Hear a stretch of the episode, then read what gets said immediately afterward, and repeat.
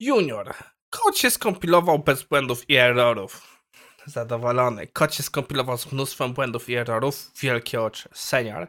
Kod się skompilował, ale są errory i warningi. Ach, normalka.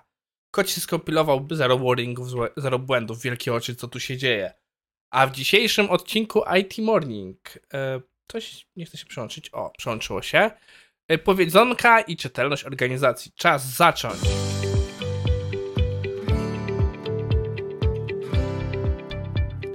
Cześć, nazywam się Maciej Wrodek, a to jest IT Morning na 18 y, stycznia 2023.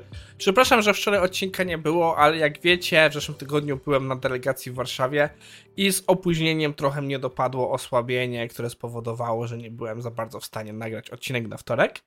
Y, nie powiedziałbym, że jestem 100% na nogach, ale jestem działający, więc dzisiejszy odcinek, więc nagrywam odcinek y, dla Was na dzisiaj. I żeby więcej nie przedłużać, przechodzimy do naszego pierwszego materiału, którym jest artykuł o dość ciekawej nazwie, powiedz, Zen Powiedzonka, czy Zen Przysłowia dla deweloperów.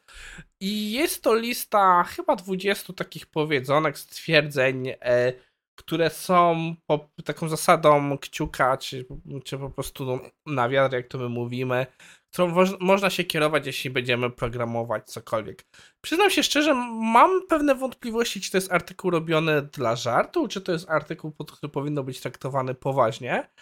E, bo wprost nie jestem pewien, jak niektóre te powiedzonka przenieść i o co autor miał na myśli. Na przykład takim dla mnie jednym rzeczą, której kompletnie nie rozumiem, to jest e, przykład Any style is fine as long as it's black.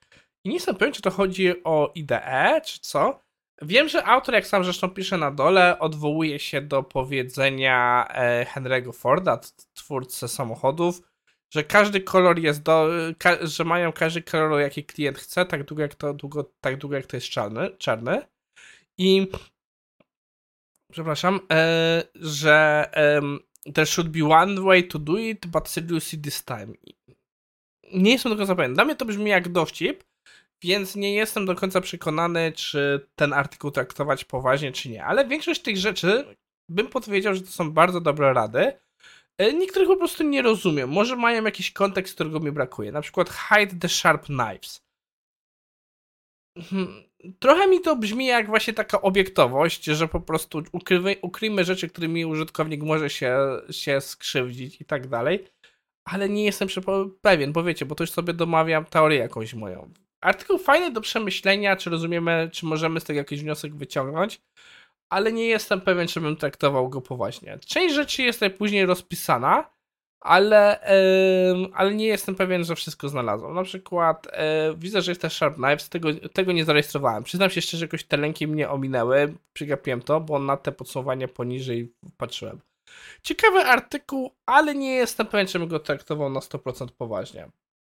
To prowadzi nas do naszego drugiego artykułu, który muszę się przyznać, wpierw źle przeczytałem.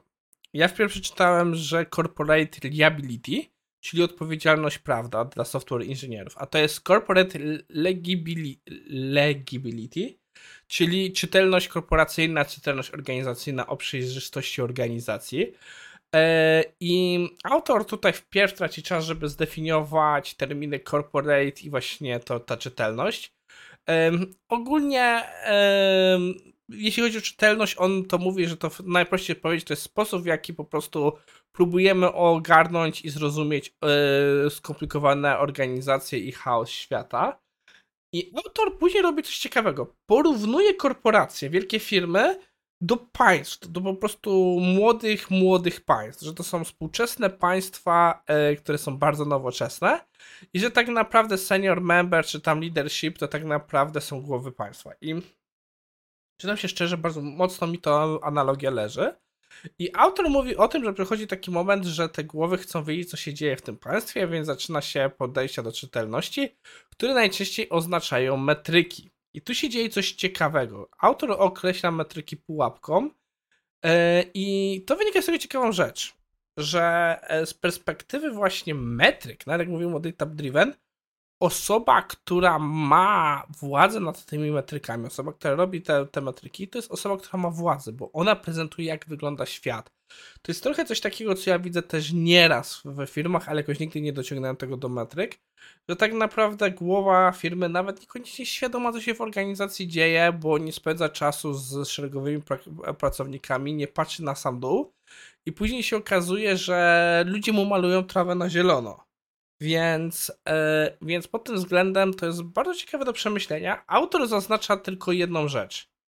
My nie mamy na to wpływu. Jedynie co możemy robić, to możemy po prostu współpracować i pracować na to, żeby te metryki pokazywały nas w dobrym świetle. Bo to jest także sposób, w którym ja bardzo dużo widziałem, nasi koledzy z Dalekiego Wschodu, zwłaszcza w świecie testowania, bardzo często ładnie się prezentują. Oni robią mnóstwo raportów, w których wygląda, że robili tyle i tyle rzeczy. I dopóki ktoś nie wejdzie z tych raportów, ktoś to rozumie temat i nie powie, i nie powie że ej, ale no co z tych rzeczy nic nie wynika, zrobiliście tyle testów i co z tego? To się kończy później, że na przykład firmy wychodzą z Polski i innych zachodnich firm i przenoszą swoje testowanie na przykład na Daleki Wschód i później się okazuje, że jakoś idzie na web na szyję, bo my robiliśmy, ale nie pokazywaliśmy co robimy. Nasza praca była niewidoczna. I to jest duży problem, którym nie do końca się zgadzam, że część menadżerów mówi, że to nie jest problem ich, to jest problem ludzi, że nie widzą ich pracy. No, ale to jest, chodzimy tutaj trochę umożliwiając się sprzedania. Czy my kupujemy tych ludzi, żeby się sprzedali, czy żeby zrobili super robotę? Więc gdzieś musi tu być jakiś balans. Okej, okay, wydaje mi się, że tutaj w tym temacie się trochę mieszam, ale jest to ciekawa rzecz do przemyśleń.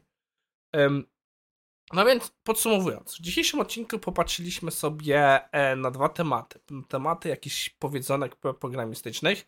Dalej nie jestem przekonany, jak na serio traktować ten artykuł. I coś, co dla mnie było wielkim eye-openerem, bo nigdy o tym w ten sposób nie myślałem, o tym, jak właśnie próba zrozumienia organizacji i robienie metryk może mieć wpływ na strukturę władz, mocy w firmie. Ciekawe przemyślenia. E, no i zachęcam Was do lajkowania i subskrybowania. Widzimy się jutro.